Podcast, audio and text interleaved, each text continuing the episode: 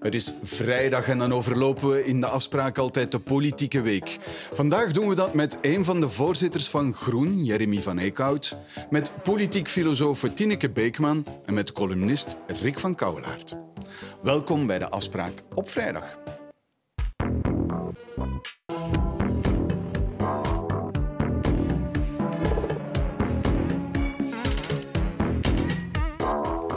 Goedenavond, meneer Van Eekhout. Vanavond een eh, peiling bij de collega's van het laatste nieuws en VTM. Um, ja, Groen is de kleinste partij geworden. Ik ging vragen, bent u tevreden met het resultaat? Maar dat is wel een cynische vraag. Dan, het zou heel raar zijn moest ik antwoorden dat wij daar tevreden mee zijn. Ik denk dat iedereen duidelijk is dat wij willen het volgend jaar, de verkiezingen zijn binnen meer dan een jaar, dat, uh, dat het echt een stuk beter moet zijn dan dat.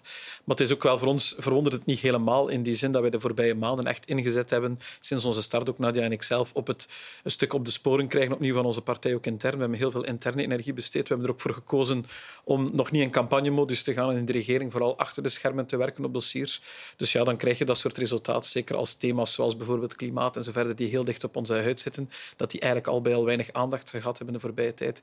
Maar uh, er is werk aan de winkel en dat weten we. En, en het ligt niet bijvoorbeeld aan het feit, Groen heeft de kernuitstap moeten opgeven. Dat bezorgt u dit resultaat? Maar er zullen heel veel factoren spelen. En ik denk dat heel veel mensen eh, allerlei zaken zullen meegeven die daarin spelen. Dat is ook een on stukje onderzoekingswerk en denkwerk die we intern wel gaan doen. We nemen al die dingen samen. Maar ik denk dat je verkiezingen vooral ook wint met een toekomstproject. Dus wij gaan blijven werken op waar wij voor staan. We gaan ons werk in die regering doen. Niet in campagnemodus gaan, wat ik heel veel collega's eh, vandaag wel zie doen. Maar binnen een jaar moeten wij daar staan bij die verkiezingen, absoluut. Vivaldi, de regering De Croo, verliest, of laten we zeggen, behoudt haar meerderheid. Het zal nipt zijn. En als het zo is dat ze die behoudt, dan is dat niet dankzij de Vlaamse partijen, maar vooral de Franstalige partijen. Absoluut. En dat is inderdaad, als je die peiling een beetje uitzoomt, en eigenlijk zie je dat in alle peilingen van de laatste tijd wel, wel terug opduiken, is de vaststelling wel dat partijen eh, die proberen in coalities een stukje verantwoordelijkheid te nemen, dat die daar blijkbaar niet in slagen om daar kiezers van te overtuigen dat dat echt de weg is die we moeten gaan. Terwijl dat natuurlijk wel echt de opdracht van politici zou moeten zijn. Niet, niet erg dat net partijen die hun verantwoordelijkheid nemen en besturen, zo zegt u het, dat die verliezen wanneer er aan de kiezer wordt gevraagd in peilingen? Ja, absoluut. Maar ik denk dat dat ten dele ook de verantwoordelijkheid is van de partijen zelf, om die eigen beslissingen te nemen, maar die ook te verdedigen, om er ook in gesprek over te gaan met mensen. En je kan het op twee manieren aan politiek doen, blijkbaar maar in dit land. Dat is aan de ene kant door akkoorden te sluiten, maar die dan zo snel mogelijk zelf af te vallen, of door te staan roepen aan de zeilen dat het allemaal beter en, en, en sterker moet zijn. Terwijl de, de middenweg natuurlijk is een partij van verantwoordelijkheid die de oplossingen in het gezicht kijkt, eh, de problemen in, het gezicht kijkt, die daar oplossingen voor zoekt, maar ook aan mensen durft zeggen, in een democratie zijn er zeer veel verschillende ideeën en daar proberen we samen uit te raken. Goed, maar de middenweg wordt niet beloond. In peilingen toch niet? Wel, de verkiezingen zijn volgend jaar en het is alvast mijn betrachting dat ik nooit een partij wil worden die gewoon niet met oplossingen komt en die niet zoekt naar oplossingen in overleg met collega's die nu eenmaal andere posities hebben. Dus wij zullen al sinds voor die andere lijn blijven kiezen. Goed, Rick van Kouwelaert, goedenavond. Goedenavond. Wat, wat ziet u in, in deze peiling? Wat is de belangrijk, uw belangrijkste conclusie? Ik, ik kijk in, die, in deze, dat soort peilingen dat, meteen naar de Franstalige kant. Uh, omdat daar meestal toch wel wat uh, beweging is. En bovendien, het is ook vaak daar dat bij, bij manier van spreken, als, regeringen moeten gevormd worden. Het is vaak daar dat de beslissende stappen worden gezet. En daar zie je nu iets interessants, namelijk er is een lichte knik opwaarts van Les Engagés, het vroegere, het vroegere PSC en, en, en, de, de, Christen, de Christen-Democraten van vroeger. Democraten, zeg maar. Alhoewel, ze, ze, ze, ze, ze claimen die term niet meer. Maar dat is, dat is een interessant gegeven. Dat zal trouwens ook met aandacht gevolgd worden door de PS. Want dat geeft een, als dat zich doorzet, dan krijgen zij een interessante mogelijke regeringspartner uh, langs Franstalige kant. Zeker in, in, in Wallonië en de Franse gemeenschap. En misschien in Brussel, alhoewel in Brussel zie je die, zie je die knik niet. Maar een andere vaststelling is ook dat uh, eh, MR eigenlijk aan het stagneren is en zelf uh, aan het dalen is in de belangstelling. En, en, en heeft dat met de figuur van Jean-Luc Cruque te maken, denkt u, die de overstap heeft gezet van de MR naar... Zeker. Om, om te beginnen, hij, hij, hij komt uit een, uit een landelijke streek streek van Ronse, een beetje de streek ook van Herman de Croo, zal ik maar zeggen, waar het, het verschil ook tussen liberalen en, en, en christendemocraten, dat is echt niet zo groot. Dat, is die, die, dat voel je daar, dat, dat wil wel eens schuiven. En het zou me niet verbazen mocht hetzelfde zich voordoen in Luxemburg bijvoorbeeld, hè, ook zo'n landelijk gebied. Maar je voelt langs de Franstalige kant, dat men, en ik voel het bij de collega's, de Franstalige collega's ook, men is eigenlijk die, die, die springerigheid van, van, van uh, Georges-Louis Boucher een beetje beu. En uh, de man haalt altijd wel fors uit, maar als puntje bij paaltje kwam, bindt hij dan toch in. Zoals nu onlangs met de, in, met de, met de universiteit in Mons, waar hij zich verzetten tegen het, de, de, medische faculteit. En zegt u nu van, kijk, door die opmars van Les Engagés krijgt de PS een mogelijkheid om zonder de MR te besturen en zal ze dat ook doen als die mogelijkheid oh, ik bestaat? Ik denk dat de, de, de, de, animositeit trouwens tussen, de, de persoonlijke animositeit tussen Magnet en Georges Bousset, die is, uh, die is bijzonder groot. Dus als hij ooit uh, de MR kan lozen, dan gaat hij dat zeker doen. Waarom? Omdat dat ook zijn positie als linkse partij versterkt. Namelijk hè, tegenover, tegenover de PTB, die toch niet vergeten, als je kijkt naar PTB en uh, P van de A samen, die zijn zo groot als de PS. Hè. Ja. Goed, goedenavond. Uh...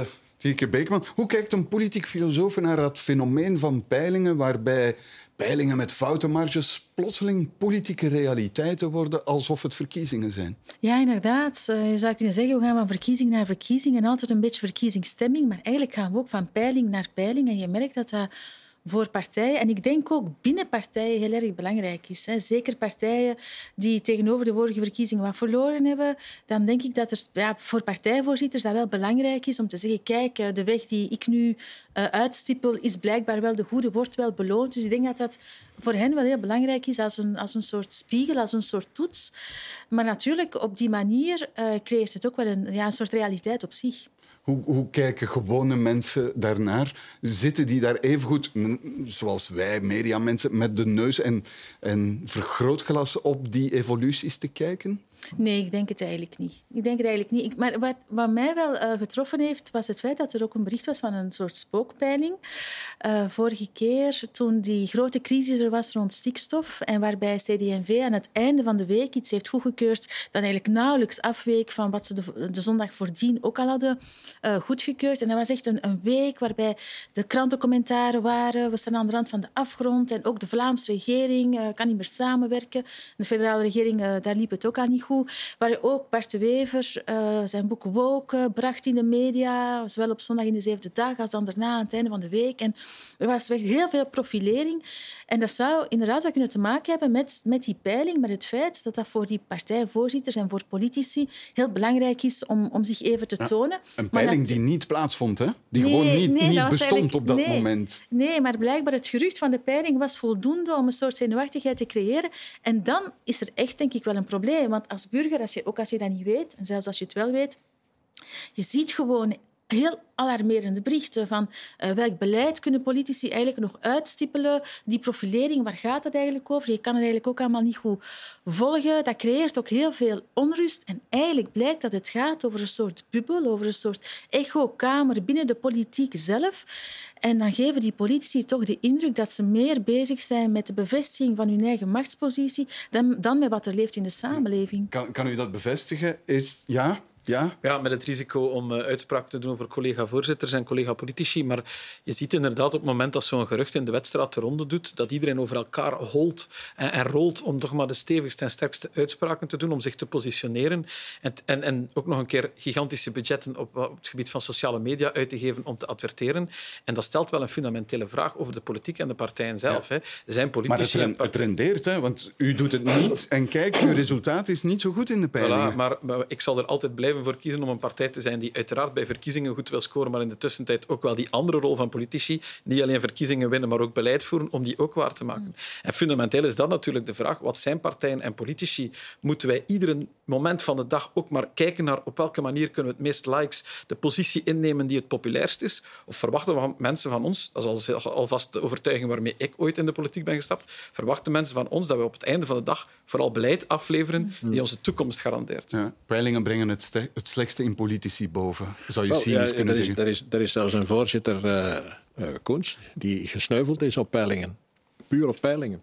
Er is geen enkele, er is geen enkele andere reden aan te geven waarom hij uh, is moeten terugtreden als voorzitter van, van, van CD&V. Terwijl nu dat lichte knikje naar boven van uh, CD&V zal Medi dan weer aangrijpen, wellicht ook intern, om te zeggen, kijk eens, we zitten op de goede weg.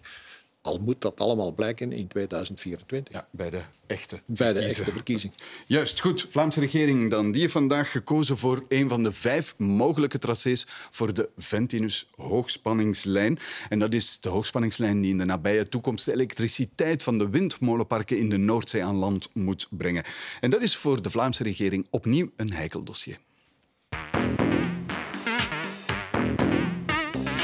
Zetten in het kader van het Ventilus-project een belangrijke stap vooruit. Want we hebben binnen de Vlaamse regering overeenstemming bereikt over het voorkeurstraject van de Ventilus hoogspanningslijn. We hebben een keuze gemaakt voor één voorkeurstraject uh, voor de Ventilus uh, hoogspanningsverbinding, uh, waar dat de aanlandingsplaats in Zeebrugge zal zijn.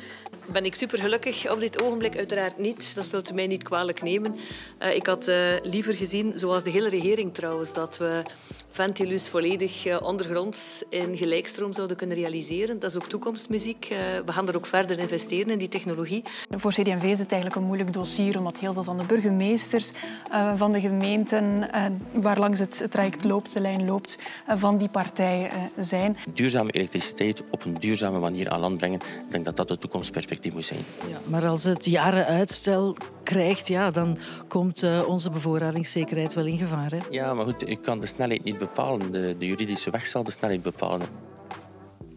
Ja, meneer Van Eekhout, u woont in de regio. Um, is dit nu de goede keuze van de Vlaamse regering? Hebben ze het juiste tracé gekozen? Ja, het is vooral een zeer noodzakelijke keuze. En eigenlijk uh, is toch wel stuitend wat we het voorbij anderhalf jaar gezien hebben. En het is goed dat er vandaag een beslissing is. Ik hoop dat de vertragingsmanoeuvres nu echt mogen stoppen. Wie, ver, wie, wie doet er vertragingsmanoeuvres? Ja, ik, ik, hoor hier, ik hoorde deze week al collega's, zoals collega Doshi bijvoorbeeld, die ook in de, in de reportage zat, die verklaart van ja, dit is eigenlijk maar een tijdelijke beslissing. We zullen wel zien nadien of we hiermee verder gaan. Dat is natuurlijk erg kwalijk voor het draagvlak. Ik kom zelf inderdaad uit de regio en ik heb heel veel empathie voor de bezorgdheden van mensen rond gezondheid, rond visuele vervuiling. Mezelf opgegroeid quasi onder een hoogspanningslijn van diezelfde grote orde. Dus ik, ik, ik ken de gevoelheid heel erg goed. En gezondheid is natuurlijk iets die voor mijn partij heel erg nauw aan het hart ligt.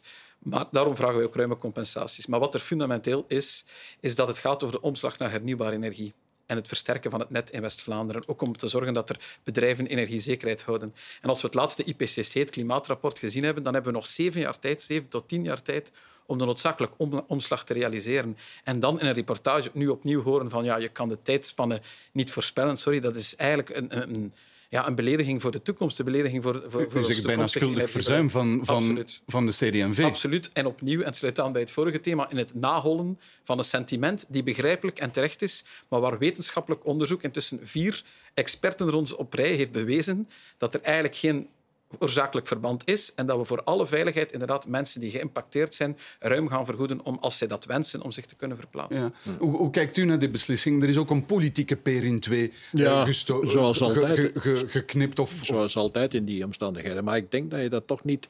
Dat, dat gevoel dat ontstaat bij die mensen die onder die kabels gaan wonen, dat gevoel van onveiligheid, uh, zorg om de gezondheid, je mag dat niet onderschatten. Maar het zou beperkt zijn wel, een tachtigtal gebouwen. Ja, Als je het wat ruimer precies. trekt, 200. Maar, let op, het, is, het verzet zit niet alleen in West-Vlaanderen. Het verzet zit ook in Enegouwen. Waar dus de PS en Ecolo geconfronteerd worden met datzelfde verzet op dezelfde reden. Hmm. Dus je mag dat niet onderschatten, want dat is iets uh, dat... Uh, en dat heeft niet te maken met achtergestelde gebieden of zo. Dat is gewoon... Elkeen waar dit soort uh, oogspanningskabels passeert, is daar zeer ongerust over terecht of niet terecht, ik laat het in het midden. Maar je mag dat gevoel niet onderschatten. Hm? Dus ik begrijp wel dat men zeer voorzichtig is bij dat soort beslissingen. Ja. Hoe kijkt u naar die besluitvorming? Tergend traag, zegt de voorzitter van Groen. Wat ja, dat denk, ik, dat denk ik inderdaad wel. En ik denk zeker ook als er democratisch dan toch een afspraak is, om dan via allerlei juridische procedures dat toch te proberen tegenhouden. Uh, ja, ik, als je als politicus... Heb, je daar dan geen begrip voor? Zo, zo, ja, zoals natuurlijk heb ik, ik, ik kan u verzekeren, mevrouw Beckman, mochten de kabels passeren boven Braschaat of Sint-Maarten-Slatem, ze zouden niet passeren. Ja, dat kan goed zijn, maar dat beleidt niet dat, er toch ook, dat het voor die hernieuwbare energie inderdaad wel cruciaal is. Het heeft weinig zin om windmolens op zee te plaatsen als je die energie uiteindelijk niet kan gebruiken. Als je ook kijkt naar het afgelopen jaar met de hele geopolitieke situatie, het feit dat je eigen energie toch een beetje deels kan aanleveren, is belangrijk. Dat die hernieuwbaar is, is ook belangrijk. We hebben gezien wat een crisis er kan zijn rond energie. Dat is eigenlijk ook al al een verhaal. Dat, Ja, maar dat, is die, ook, dat molens, is ook die, normaal. die windmolens op zee die staan daar niet sinds gisteren. Hè. Die staan daar al heel lang. Dus de voorbereiding van dat dossier hè, heeft ook lang op zich laten wachten. Ja. Het ook niet Ja, vergeten. maar dan neemt niet weg dat politici, als je weet dat het eh, uiteindelijk er wel moet komen, moet je het ook wel kunnen steunen. En mag je ook niet burgers een soort valse hoop geven dat als je het allemaal maar lang genoeg vertraagt, dat het er niet zal komen, want het zal er komen. En dan zijn al die vertragingsmanoeuvres gewoon tijdverlies. Is het dat? Je mag de burgers geen valse hoop geven en dus de korte pijn is de beste? Eigenlijk gaat het daarover. En ik heb alle begrip voor de bezorgdheden van mensen. Ik vind ook dat mensen in procedures al hun rechten moeten kunnen uitputten. We leven in een rechtsstaat. Maar dat is iets anders dan politici. Die besluiten die door experten keer op keer worden meegegeven. Experten die trouwens rond gezondheid zeggen, ook als er ondergronds gaat, moeten we even voorzichtig zijn. Want die straling, rond magnetische straling, die is er ook. Als je een kabel ondergrond steekt, dan moet je inderdaad mensen in het gezicht kijken en zeggen, kijk, als wij willen onze energietoekomst verzekeren, dan moet dit er komen. En we gaan dat op een ordentelijke manier doen, op een manier doen die correct met u omgaat en die zorgt dat u in de eerste plaats geen enkel gezondheidsrisico loopt. Maar we moeten dit wel doen. En politici die op ieder moment dat er een beslissing wordt genomen, keer op keer daarop terugkomen en zeggen ja, maar misschien is het toch nog niet zo en we zullen wel zien op termijn, die creëren, die creëren de voetstem van de toekomst. Ja, gaat u akkoord met meneer Van Kouwelaert? In Braschaat of Latem zou die lijn er nooit komen. Ik mag hopen dat het niet zo zou zijn, maar ik kan uiteraard eh, ben ik wel een beetje gevoelig aan het sentiment dat bepaalde stemmen in de wedstrijd harder doorklinken dan andere. Ja. Ja. We zijn meer gelijk dan anderen. Kom- komt dit ongenoegen volgens u bovenop het ongenoegen dat we, laten we maar zeggen, ontdekt hebben bij eh, het succes van de Nederlandse partij BBB? Ik weet niet of het daar... Het is al langer aan de gang, hè. het is al langer aan de gang, maar het, het- het krijgt natuurlijk weer meer aandacht. Is Waarom? dit het vergeten land waar Wel- nu nog eens een argument bij komt? Men gaat er een hoogspanningslijn boven Nee, trekken. ik denk niet dat je meteen zou kunnen zeggen dat eh, West-Vlaanderen het vergeten land is. Eh, in- daarvoor zijn de connecties eh, de- met, met de rest van het land toch wel te intens. Maar het is wel zo dat, en, dat in, de, in, in de beslissingsprocedure. Men soms zaken voor zich uitschuift. Men heeft dat ook gedaan in stikstof. Men heeft gedacht, we, schuiven de zaak voor ons uit en we zien wel hoe, hoe we landen. Hè, Maar dan opeens staat men met de rug tegen de muur, zoals nu met het moet, die, die kabel moet er wel komen, bij manier van spreken. Maar door het voor je uit te schuiven, laat je het ongenoegen ook groeien. Precies, en dat is wat ik niet begrijp bij politici. Dat, dat, dat bijvoorbeeld in het stikstofdossier had men al jaren geleden met overleg met de boeren kunnen plegen en tot, tot een overeenkomst eh, komen. En waarschijnlijk had men dat hier ook kunnen doen. Bij het aanpassen van tracés en weet ik veel. Want het gaat niet alleen voor die kabel die, die over die huizen passeert of in de bewoonde buurten passeert. Zo'n kabel eh, passeert ook over landelijke gebieden waar boeren aan het werk zijn en die, die, die nemen, ook, eh, die nemen ook grond in. Ja, want u hebt een, eh verleden jaar nog een boek geschreven, Vergeten Land. Ehm, net, net met die analyse dat er een stukje veronachtzaming is van het platteland. Ziet u dit pro- protest daarop zich op vasthaken? Op dat ongenoegen dat sowieso al aanwezig is? Ja, absoluut. Een aantal factoren eh, komen samen. Ik heb daar inderdaad de voorbije jaren heel hard op gewerkt. Ook nog voor ik co-voorzitter, dat voor daar een politieke agenda eh, achter zat. Er waren ook geen peilingen op dat moment. Er was ook geen Nederlandse situatie die zich zo helder voordeed. Maar het is wel pijnlijk om vast te stellen dat politici iedere keer na een zwarte zondag verbijsterd zitten te kijken van oei, wat is er nu gebeurd? En dan kijken naar U extreem spreekt van. Zwarte Zondag. Waarom? Omdat Vlaams Belang een doorbraak heeft gedaan nu in de landelijke gebieden. Het grote verschil tussen de Zwarte Zondag van 2019 en eerdere Zwarte Zondagen is inderdaad dat extreem rechts vooral zijn scores haalt in landelijke, meer eh, uitge- uitgestreken gebieden in Vlaanderen. En dan zitten politici daar verbijsterd naar te kijken en te, te schelden op extreem rechts dat zij kapitaliseren. Maar ze moeten natuurlijk ergens op kapitaliseren. En dat is op uitstelgedrag van politici die verantwoordelijkheid zouden moeten nemen. Stikstof is een fantastisch voorbeeld. Er is de voorbije twintig jaar eigenlijk niks aangepakt om dat te doen. Landbouwcrisis is in een fundamentele crisis gestort. Suïcidecijfers het hoogst. Economisch onleefbaar. Geen toekomst. En nu komen er partijen af die zeggen wees gerust, er moet niks veranderen. Uiteraard kapitaliseren die daarop. En de les van politici is blijkbaar dan, wij gaan daarin meegaan, in plaats van wat ze zouden moeten doen, zeggen, beste landbouwers, de toekomst is uitdagend, maar we gaan jullie helpen om die stappen te zetten. En dat is bijvoorbeeld, en dat is niet om eigen lof, maar wat Vera Duwa geprobeerd heeft in 99, 2003, was geen electoraal succes voor alle duidelijkheid. Maar je ziet wel in de curve van stikstofdaling dat dat het enige moment is dat de stikstofuitstoot in de geschiedenis is gedaald. Met eh, warme uitkomstsommen voor landbouwers die moesten stoppen en met transitieplannen voor zij die dat wilden doen. Schrijven we voor een stuk geschiedenis die je ook pakweg over de hele wereld vindt. Les Gilets jaunes bijvoorbeeld in, in, in, in Frankrijk, de deplorables Ja, uit, uit de Verenigde Staten.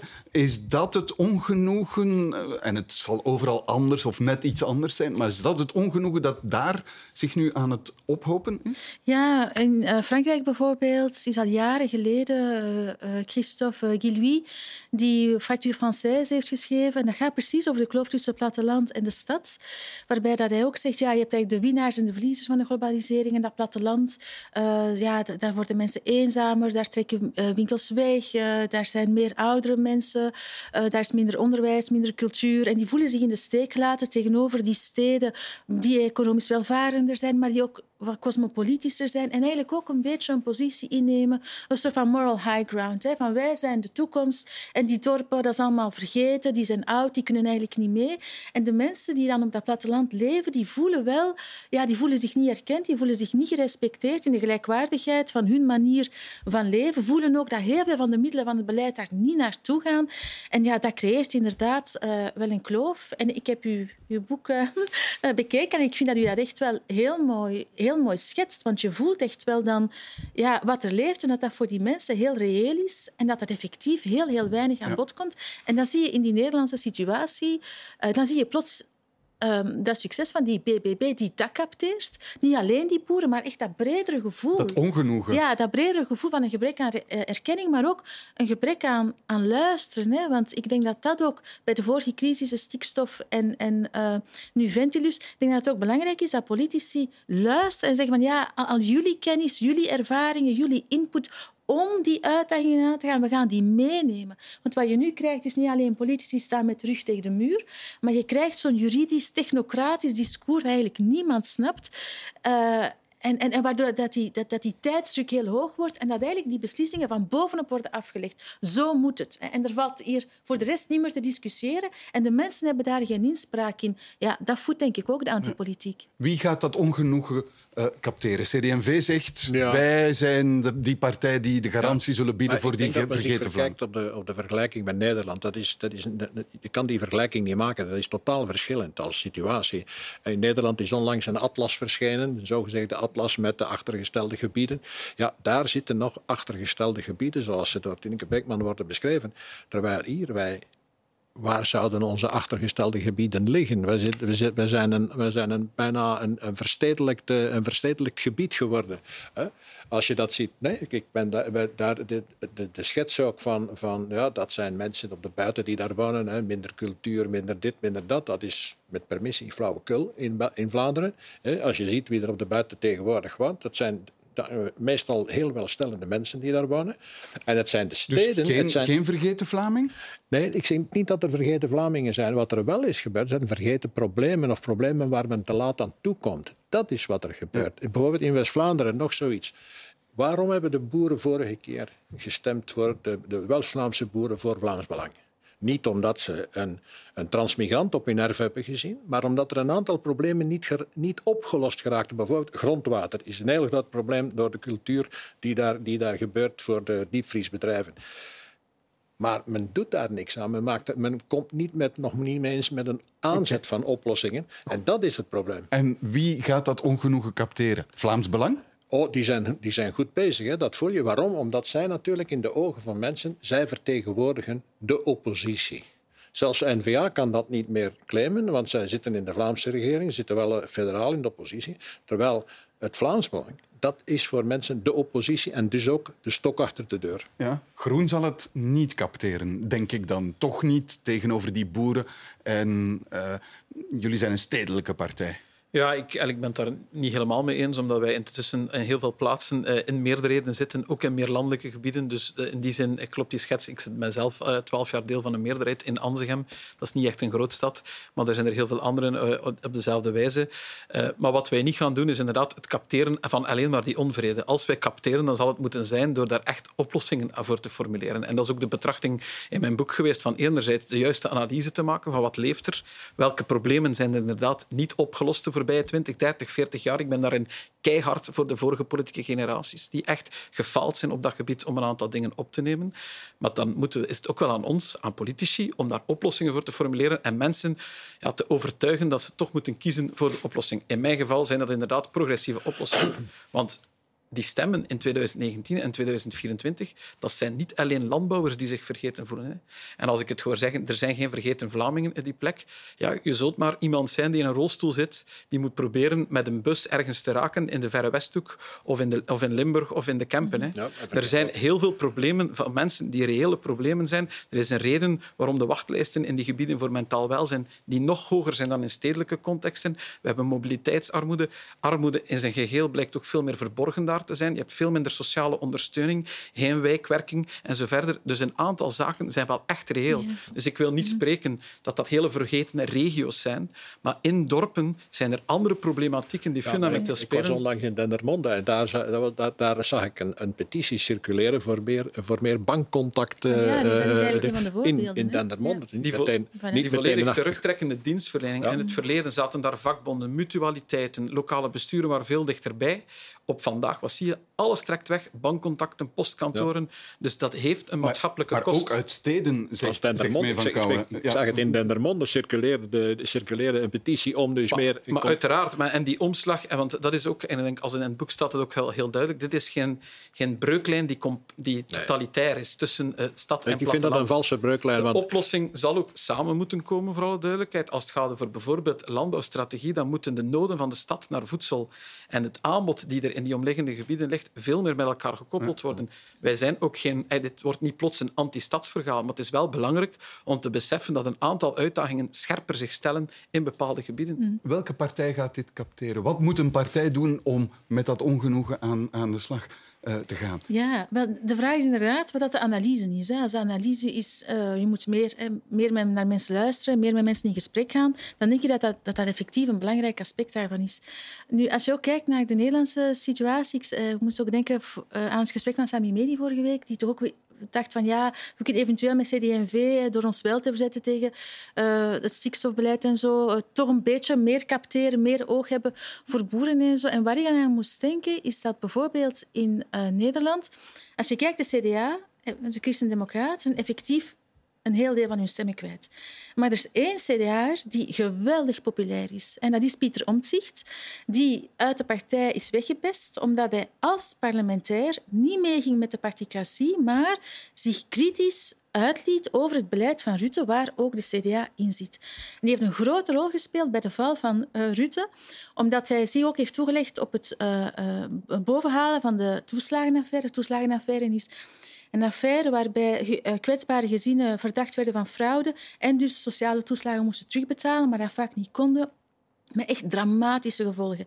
Wel, die Pieter Omtzigt, die wel luistert naar uh, onrecht aan mensen is aangedaan, die wel in gesprek gaat met mensen en vooral die wel zijn kritische rol speelt als parlementariër, die is razend populair. Want ik denk dat politici zich vaak in heel hun profilering en heel hun media marketing bezig zijn met wat kunnen wij nu doen hè, om de kiezers te overtuigen.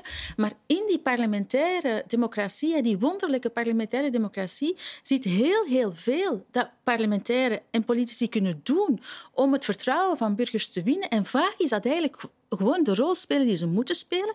Maar dat betekent ook dat, er, uh, dat uh, parlementairen de mogelijkheid krijgen om buiten de particratie hun rol te uitoefenen en kritisch te zijn over het beleid. Als het gaat over kinderopvang, als het gaat ja, over, over uh, uh, ouderenzorg, als het gaat over al die thema's waar er de laatste jaren schandalen over zijn geweest. Als je het vertrouwen wil herwinnen, zitten er in die democratie ook hefbomen om dat ja. te doen. Geloof je, gelooft u erin, uh, meneer Van Kouwelaert, dat we dat soort parlementairen ook bij ons krijgen? Want die particratie wel, is wel mij, heel mij, dwingend. Hè? Mij ergert het al lang dat, dat, dat, de dat de parlementairen zich zou aan de ketting laten leggen door, zeker als hun partij in de meerderheid zit. Een zwijgakkoord op Vlaams niveau maar dat iets is, te zeggen. Dat is een complete abominatie dat, dat dit toch maar mogelijk is in een parlement. Hè. En de grondwet geeft die vrijheid aan die parlementairen om die rol op te nemen. Maar ik heb het vaker gezegd. En Jan Verhoeken bijvoorbeeld zou vandaag niet meer mogelijk zijn. Jan Verhoeken is Die destijds- een christendemocraat, heeft een regering laten vallen Voilà, die van dus Van der Boeien zou- omdat hij kritisch was voor het beleid van die Hij zou het regering. misschien nog kunnen doen vandaag de dag, maar hij zou niet meer op een verkiesbare plaats staan bij de volgende verkiezing. Ja. En dat heeft natuurlijk te maken, maar dat is een heel ander debat, dat heeft te maken met de manier waarop wij tegenwoordig partijen financieren. Ja, maar als je zeven partijen nodig hebt om een regering te vormen, dan is het heel moeilijk om daar op den duur kritisch tegenover te staan, omdat ja, die regering is zo kwetsbaar eh, en, en heeft bijna elk parlementslid nodig. Dat, dat, dat neem ik niet aan als argument. Ik vind dat in, een, in, een- in elke regering moeten, moeten een aantal mensen elkaar vinden. En ik dacht aanvankelijk dat in deze federale regering eh, bijvoorbeeld een De Croo en de Van den Broeke elkaar gingen vinden. Dat heeft een tijd geduurd van de, van, de COVID-crisis, maar dat is dan een beetje uit, jammer genoeg uit elkaar gevallen. Uit, die, uit elkaar gezakt. Die, die, die, die, eh, langs de Franstalige kant hebben ze elkaar nooit gevonden. Sterke regeringen zijn regeringen die gedragen worden door twee of drie figuren in die regering. Dus als partij alleen, als politicus alleen, Pieter Omtzigt, Nederlands voorbeeld. Pieter Omtzigt is een, is een mooi geval van een man die zijn, die zijn vrijheid kleeft. Het is bovendien een schitterende redenaar. Hè. Dat er nog eens bij. Eh, maar eh, je voelt ook daar, hij, hij, hij stijgt ook in, in, in, zijn, in populariteit. Hè. En dat deze man, want hij wordt zelfs door pijlers tegenwoordig afzonderlijk gepeild. Ja, ja. Als hij zou opkomen bij de verkiezingen, dan zou hij vijf zetels halen, maar evenveel is als heel het CDA in de Ja, Eerste ja. Kamer nu. Zo populair is die. Jean-Marie de Dekker.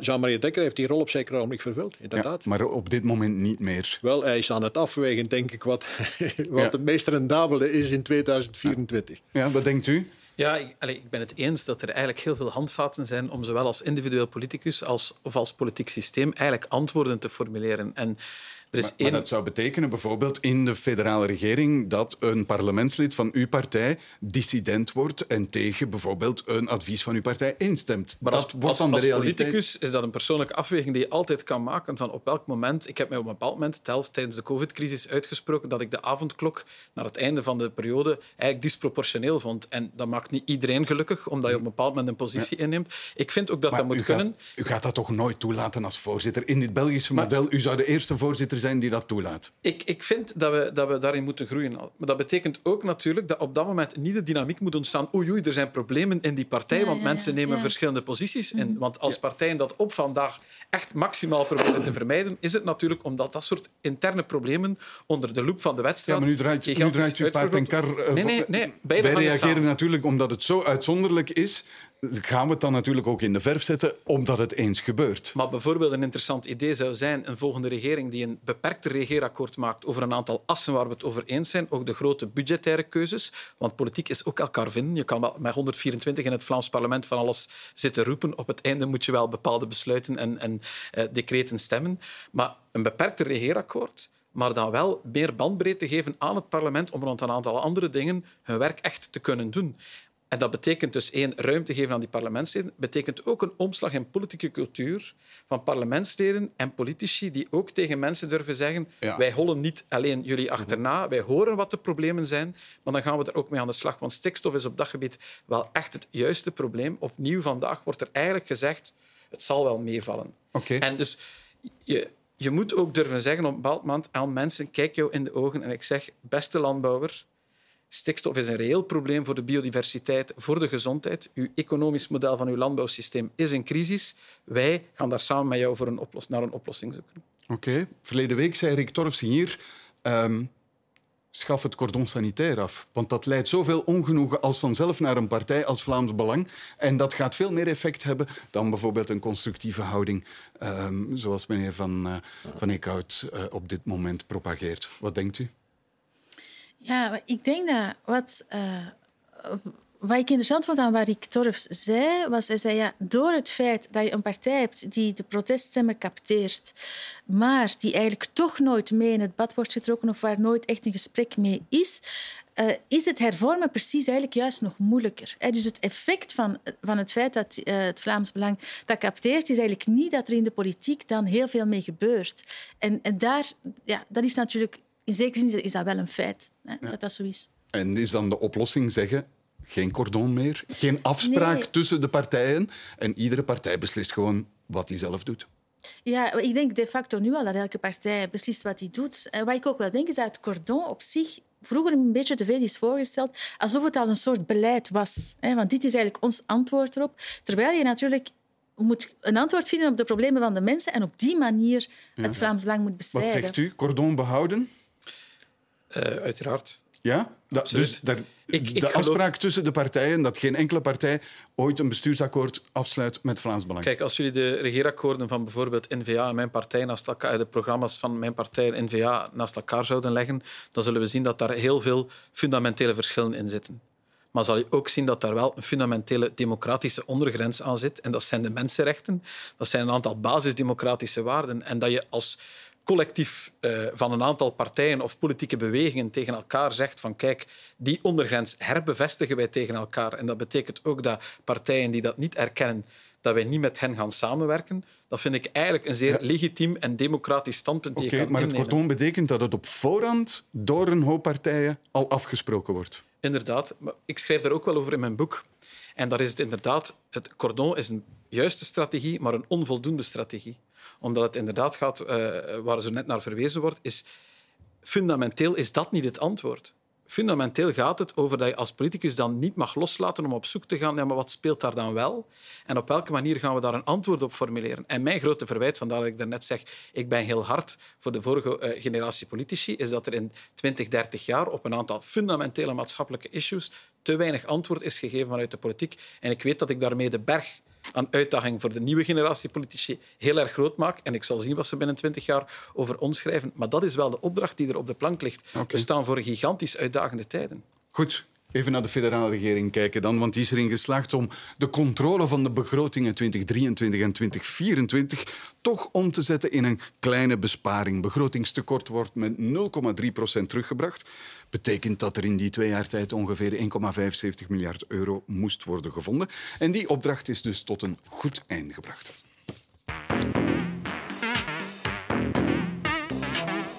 Dus opdracht was zeer duidelijk. Um, ons land verder op de reis zetten, het, uh, het tekort beginnen, uh, beginnen te verminderen.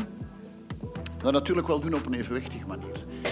Eindelijk moeten multinationals iets bijdragen. Eindelijk zullen zij ook een bijdrage betalen en eindelijk moeten ook gokbedrijven extra gaan bijdragen. Het is moeilijk geweest, maar we zijn er nog maar eens uitgeraakt. Hè. Uiteindelijk is het al heel vaak gezegd geweest dat het misschien niet ging lukken. Ook deze keer heeft men voorspeld hè, dat het misschien niet ging lukken en dat het een gewone controle op 23 zou zijn. Nee, we doen een extra inspanning. Om in uw begrotingscontrole extra miljoenen te zoeken voor bijkomende asielplaatsen, bespaart u dus op de laagste pensioenen en uitkeringen. Gepensioneerden die hier jaren hebben gewerkt en bijgedragen, mogen dus dokken voor asielzoekers die hier nooit een klop hebben gedaan. 126 miljoen wordt er gehaald in de zakken van een gepensioneerde. Ik vind dat dat niet kan, als je ziet dat we nu al met de laagste pensioenen van West-Europa vinden, dat we nu weer eens bij de gepensioneerden gaan halen. Kom aan, dat we eerder bij de rijken gaan halen. We zitten nog altijd met een tekort van meer dan 20 miljard euro. Ook eh, de volgende jaren zal dat het geval zijn. We gaan naar tekorten van meer dan 6 procent wat, van de BBP. Dat betekent dat we veroordeeld gaan worden door Europa. Zondag is het de Ronde van Vlaanderen. Geniet ervan. Maar nadien zou ik zeggen opnieuw au travail, au boulot. Ja, meneer Van Kouwelaert, het is een goed akkoord. Wel, het was te verwachten dat het op zoiets zou uitdraaien. Hè. Iets, eh, dat, uh, ja, dat, dat, lijkt op een akkoord. Dat Ze zijn volgens mij nog iets vergeten. En dat is? Dat, namelijk de veroogde strijd tegen uh, fiscale fraude. Volgens normaal, mij zit normaal dat kan dat altijd miljoenen, miljoenen euro's opbrengen. Vol, volgens mij zit, zit dat erin. En die staat er nu niet in. Ja, ik dacht... Maar ik, ik, ik, ben verbaasd dat men... ja, natuurlijk dat, dat, die, dat, dat, aftoppen van de groei van die, van die, van die laagste pensioenen, hè, dat men dat bij de oppositie aangrijpt om, zo gezegd, hè, gaat, men zit in de zakken van de gepensioneerden en daar volg ik wel wat, wat Van den Broeke zegt, de minister Van den Broeke. Het is, het, men gaat geen geld halen, men, alleen de, de, de vertraging van de verhoging eh, neemt af. Wat toch niet vergeten, we zitten weer met een inflatie van uh, ongeveer 6% meer dan 6% dat is niet mis. Maar bijvoorbeeld die, die, die maatregel voor de multinationals, ja, minimumbelasting voor multinationals. is gewoon afgesproken in Europa. Ja. ja. Nu, heeft men, gaat men, nu wil ik nog altijd zien hoe men dat gaat uitvoeren, want die wetten moeten nog gemaakt worden daarvoor. Dus ik wil dat zien of dat dan inderdaad een effect gaat hebben op die begroting. En hoeveel geld het uiteindelijk gaat En hoeveel geld het uit, want het is bekend, de multinationals hebben hele goede fiscalisten in dienst. Ja, het is inderdaad zo. Elke oppositiepartij struikelde over het feit dat minimumpensioen en minimumuitkeringen werden aangepakt. Maar ook uw jongeren, Jong Groen, zegt letterlijk... dit akkoord zorgt voor besparingen bij mensen die het vandaag al moeilijk hebben. En het excuus dat het maar over een paar euro's gaat... toont aan hoe wereldvreemd dit is. Ja, u, u, zal niet verwonderd zijn dat ik gisteren niet per se heb staan dansen op tafel over het akkoord die er lag. Maar de realiteit is natuurlijk wel dat we in een democratie leven waar je met verschillende partners probeert uit een aantal problemen te raken. Ik ben zeer blij dat er een inspanning extra is gebeurd, want iedereen weet wat er op ons wacht als het gaat over de begroting van dit land. Er is gewoon gigantisch veel werk en we, doen een evenwichtige inspanning. Hadden wij graag gehad dat dat groeipad helemaal kon blijven zoals het initieel was afgesproken? Uiteraard. Maar hadden anderen graag gehad dat we naar de maximale vorm gingen van belasting voor multinationals? Waarschijnlijk ook niet. En je probeert in zo'n regering, die nu eenmaal diverse ideologieën en visies samenbrengt, een goed evenwicht te vinden. En als morgen mijn partij, eh, in tegenstelling tot de peilingen, 30% haalt, ja, dan zal de neiging om op de sociale kant eh, de balans wat meer toe te geven, zal die er minder zijn. Maar ik, welkom in de democratie. Dat is nu eenmaal gewoon de realiteit. Maar, maar, vergeten we niet één punt. Um, er blijft nog altijd een tekort van meer dan 25 miljard, zelfs met deze inspanning. Zijn we dat bij de eerste vraag niet vergeten? Absoluut. En de opdracht is gigantisch. En ik denk dat er nu nog heel veel werk op de plank ligt de komende weken om toch ons niet door verkiezingskoorts te laten pakken en iets te maken van die fiscale hervorming de komende tijd. Ik denk dat daar heel veel handvaten in zitten. Ik hoor een beetje de opmerking rond de fiscale fraude, maar de realiteit is wel dat als wij op dezelfde manier fiscale fraude zouden bestrijden als in de ons omliggende landen, dat wij 8 tot 12 miljard euro extra per jaar kunnen ophalen.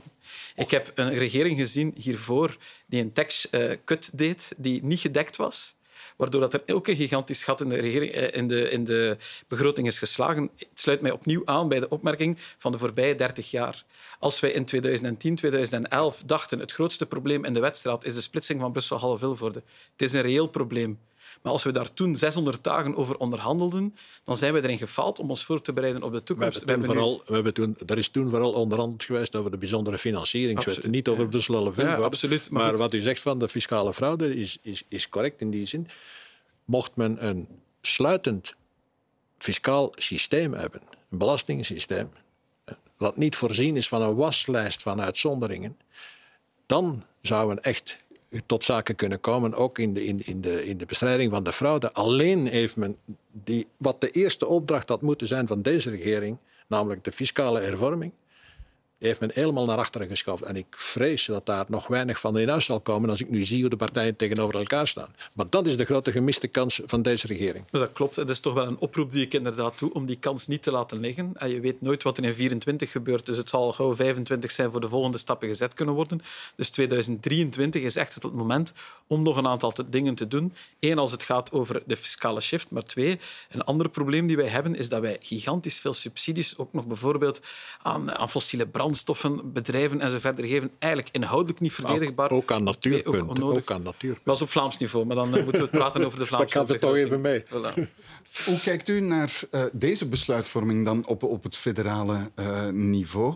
Is het niet zo dat zonder Europa eigenlijk nauwelijks wat van die beslissingen tot stand zouden komen. Heeft men hierin de stok, en eigenlijk ook in stikstof bijvoorbeeld, die stok van Europa oh zo nodig hier om in dit land tot hervormingen te komen? Ja, ik denk ook dat, ik vermoed ook dat de premier het ook gebruikt heeft. Hè. Het feit dat Europa vanaf volgend jaar nauwelijks uh, zou toezien op de, het uh, begrotingstekort, dat dat ook een extra stimulans is geweest.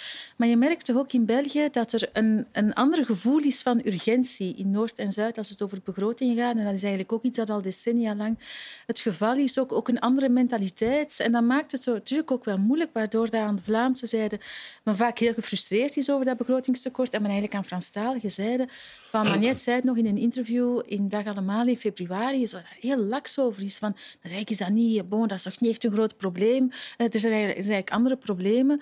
En uh, je voelt dat ook in datzelfde interview gaf hij maakte hij de vergelijking tussen Vlamingen en, en Franstaligen. En zei hij, ja, de Vlamingen die, die werken hard en de Walen die genieten een beetje meer van het leven. En wat is daar nu mis mee? En dan had hij zo'n fabeltje van de visser met zijn netten enzovoort. Goed, er zijn stukken bij elkaar. Hij Ja, heeft ook ja, een, klacht Ja. ingediend eh, in verband met dat interview. Ja, Eh, ja maar, nee, maar het punt waar ik toe wil komen is, hij zegt daar, de Walen stellen niet graag hun geluk uit, ze genieten meer van het leven. Hè. Terwijl als je naar Wa- Vlaanderen en Wallonië kijkt, als het gaat over mentale gezondheid bijvoorbeeld, depressie, angststoornis enzovoort, veel hoger zijn in Wallonië dan in Vlaanderen. En dat is ook gelinkt aan die armoede. En het punt dat ik gewoon probeer te maken is dat we leven eigenlijk allemaal een beetje in een soort idee over wat dit land is en ook over wat de eigen regio is. En als je kijkt naar Franstalig België, die voelen een aantal urgenties niet die in Vlaanderen wel veel sterker zo worden gevoeld.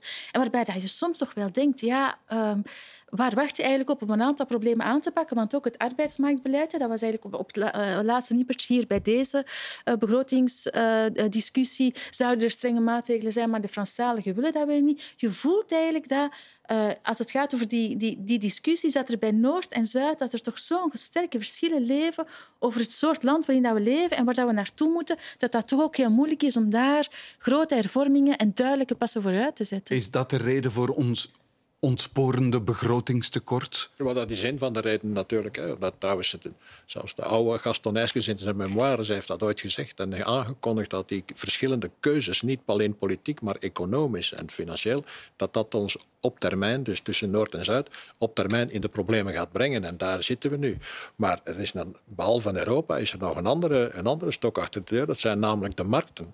De, de man van het schuldagentschap, eh, Jean de Poete, heeft dat, ongeveer- heeft dat recent nog gezegd in het parlement, als ik me niet vergis. Van hij krijgt dat niet meer uitgelegd dat, België, eh, dat de schulden in België stijgen terwijl ze in de rest van de eurozone dalen. Hij krijgt dat niet meer uitgelegd aan de mensen aan wie hij zijn schuldpapier moet gaan slijten. Eh, en dat vind ik een heel, dat is, dat is een heel gevaarlijk moment. Dan, en dan natuurlijk daarbovenop de mogelijke boetes van Europa. En ik heb de indruk dat Europa inderdaad strenger gaat gaan optreden vanaf 24. Hm? En daar gaan we, hoe dan ook, eh, gaan we grote manoeuvres moeten organiseren. Ja, meneer Van Eekhout, u kijkt naar de vorige generatie, maar dit is uw generatie. Hè? Die 25 miljard tekort nog altijd en die oplopende schuld. Dan kijken we rechtstreeks naar uw generatie. Hè? En dat wordt dramatisch voor de volgende generaties. Ja, en dat vind, ik, dat vind ik onbegrijpelijk. Dat Ja, als je maar- weet dat de klimaatcrisis er aankomt, dat dit het resultaat is van uw begroting. Ik U vind dat eigenlijk onbegrijpelijk. U maakt wel deel uit van die regering die dat zo heeft laten ontsporen. Maar ik ben er heel erg van doordrongen. Ik spreek een beetje het beeld tegen alsof het enkel in de laatste regering is dat het ontspoord is. We hebben natuurlijk ook een aantal crisissen gehad waarbij de Euro- op Europees niveau wij het Maar land zijn die het best, die het best onze burgers beschermd hebben. Ieder onderzoek wijst uit dat er... Ja, maar dat is ook, dat is ook elders gebeurd. Hè? Ja, maar niet op dezelfde manier. Wat we wel de fout hebben die we gemaakt hebben, we hebben dat ook al een paar maanden geleden zelf gezegd, dat, is ook niet, dat was ook niet per se onze vraag, maar bijvoorbeeld in de energiecrisis, de steunmaatregelen, die zijn veel te breed uitgestrooid. Er is een debat ontstaan over wie is de middenklasse in dit land en op een duur was 90% van de bevolking de middenklasse. Terwijl je natuurlijk zag dat vooral mensen in armoede waren en mensen, net de, de working poor, om het zo te zeggen, die echt in de problemen kwamen. Dus in plaats Maar van ik vind dat hebben- merkwaardig. Iemand die deel uitmaakt van die regering, die al die analyses maakt, terechte analyses, maar ze wel mee heeft goedgekeurd. Ja, u heeft natuurlijk daarnet zelf een pleidooi gehouden om ook in een particratisch systeem en een coalitiesysteem te durven posities innemen. Als ik morgen 50% haal, dan zal ik het perfecte eh, coalitieakkoord sluiten waar ik mij iedere dag 100% zal verdedigen. Op vandaag maken wij keuzes in balansen en die zitten niet altijd goed. En, maar het zijn ook politieke keuzes. Ik ben zeer fier over het feit dat we nu kiezen voor de strengste variant als het gaat over Hij de heeft u niet belasting. de indruk dat, u, dat uw Duitse collega's, de Groenen, veel sneller zijn in het zich positioneren en sommige van hun harde principes te laten vallen in functie van het algemeen belang. En dat dat ook een, een deel is van hun succes electoraal. Ja, maar ik ben het daar niet mee eens. Ik ga nu een heel ander dossier nemen, waar u daarnet het eventjes over gehad hebt, over de kernuitstap. We hebben op een heel snelle manier geschakeld op het moment dat de oorlog in, in Rusland eh, losbrak en dat duidelijk was, ja, die transitie, we moeten dat op een andere manier vormgeven. Hebben wij beslist om die verlenging van die twee eh, jongste reactoren te doen. Dat is ook waar we nu volop onze energie in steken. Als we minder in studio's gaan zitten en minder in campagnemodus zijn, dan is het om dat soort dossiers rond te krijgen. Dus wij, leren uiteraard, we zijn in september nog op bezoek geweest bij onze Duitse collega's. Dat is een zeer verstandige keuze. Dus een heel goed weten op lange termijn waar ga je naartoe. Past ook op het gebied van begroting, ook de politieke keuzes. Je kan besparen op die minimumpensioenen of je kan sociale fraude bestrijden. En dat zijn politieke keuzes. Wij weten in welke richting we gaan en we moeten daar proberen onze coalitiepartners van te overtuigen. Maar welkom in de democratie nogmaals. Zolang je niet in een coalitie zit waar je 50% van de stemmen eh, zelf vertegenwoordigt, bepaal je niet op je eentje de richting. Wat ik heel vaak hoor als ik met mensen ga praten, in sociaal-economische dossiers, begrotingstekort bijvoorbeeld, schuld is. Technocraten, laat dit oplossen door technocraten en dan zullen die zullen dat wel hard aanpakken. Wat zegt u dan als filosoof? ik denk dat een deel van de onvrede van mensen precies dat juist is. Ik denk dat je veel meer moet uh, communiceren met mensen, dat mensen het gevoel moeten hebben dat de politieke beslissingen ook van onderuit komen, dan, dan dat je technocraten uh, aan de macht laat. Europa, dat is een van de grote verwijten tegen Europa, precies. Er zijn technocraten die beslissen bij elke beslissing zijn er winnaars en verliezers. En dat betekent dat het onderwerp moet zijn van een politiek debat met burgers.